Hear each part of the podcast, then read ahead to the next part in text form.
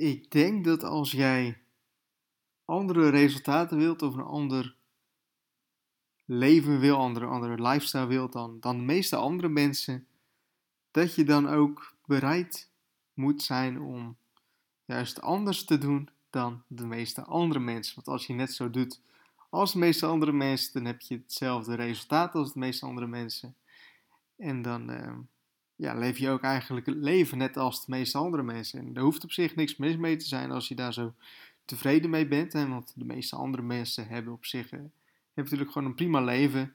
Maar als jij iets anders wilt en als jij voor jezelf zoiets hebt van hé, hey, ik zou toch wel eigen baas willen zijn, ik zou toch wel meer vrijheid willen, ik zou toch wel meer vrij willen zijn, ik zou toch wel meer geld willen hebben en ik zou toch wel meer zelf bepalen wat ik, wat ik zelf doe.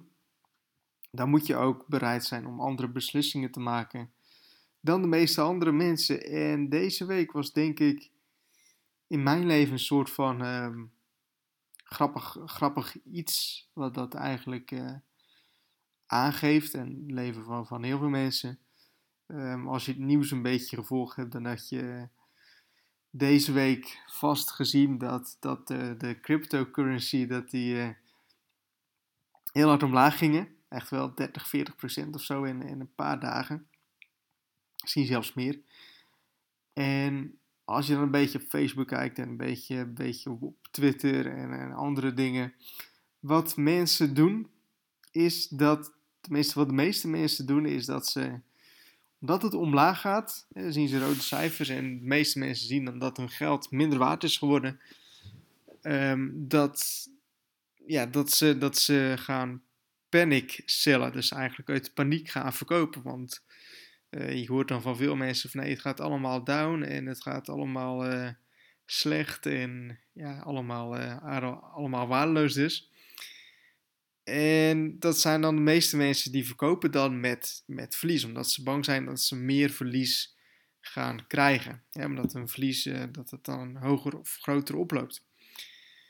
Maar wat de slimme mensen doen, is eigenlijk de omgekeerde, het omgekeerde van wat de meeste andere mensen doen. De meeste mensen die verkopen dus, die verkopen met verlies of misschien met een klein beetje winst, als ze eerder waren ingestapt. Maar wat de meeste, of wat de, wat de slimme mensen doen, is dat ze juist bijkopen. want iets wat twee weken geleden nog op, ik noem eventjes wat op 1000 euro staat, en wat vandaag op 500 euro staat, dat betekent dus eigenlijk een soort van 50% korting op, uh, op datgene wat ze willen kopen. Dus dat is eigenlijk een koopje.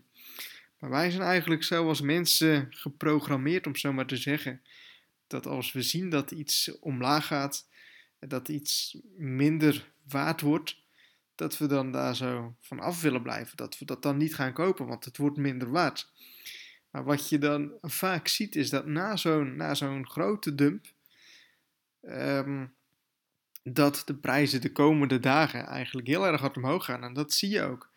Um, volgens mij in mijn hoofd op woensdag was echt een uh, knalrode dag. Dat, dat, dat alle koersen echt dik, uh, dik gezakt waren.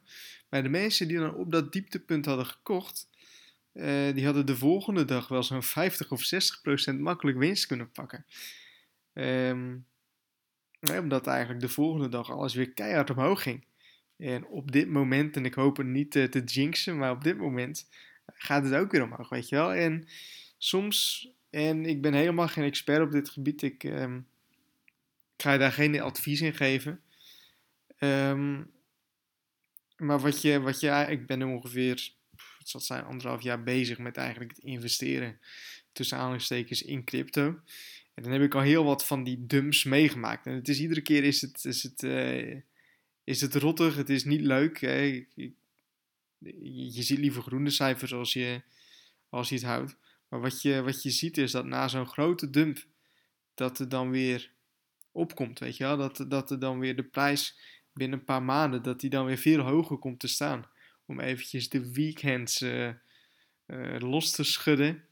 En zodat grote spelers, dat die weer goedkoop kunnen inkopen. En uh, ja, dat zo de prijs weer omhoog gaat. En dat hoop ik dat dit, dat dit keer ook het geval gaat zijn.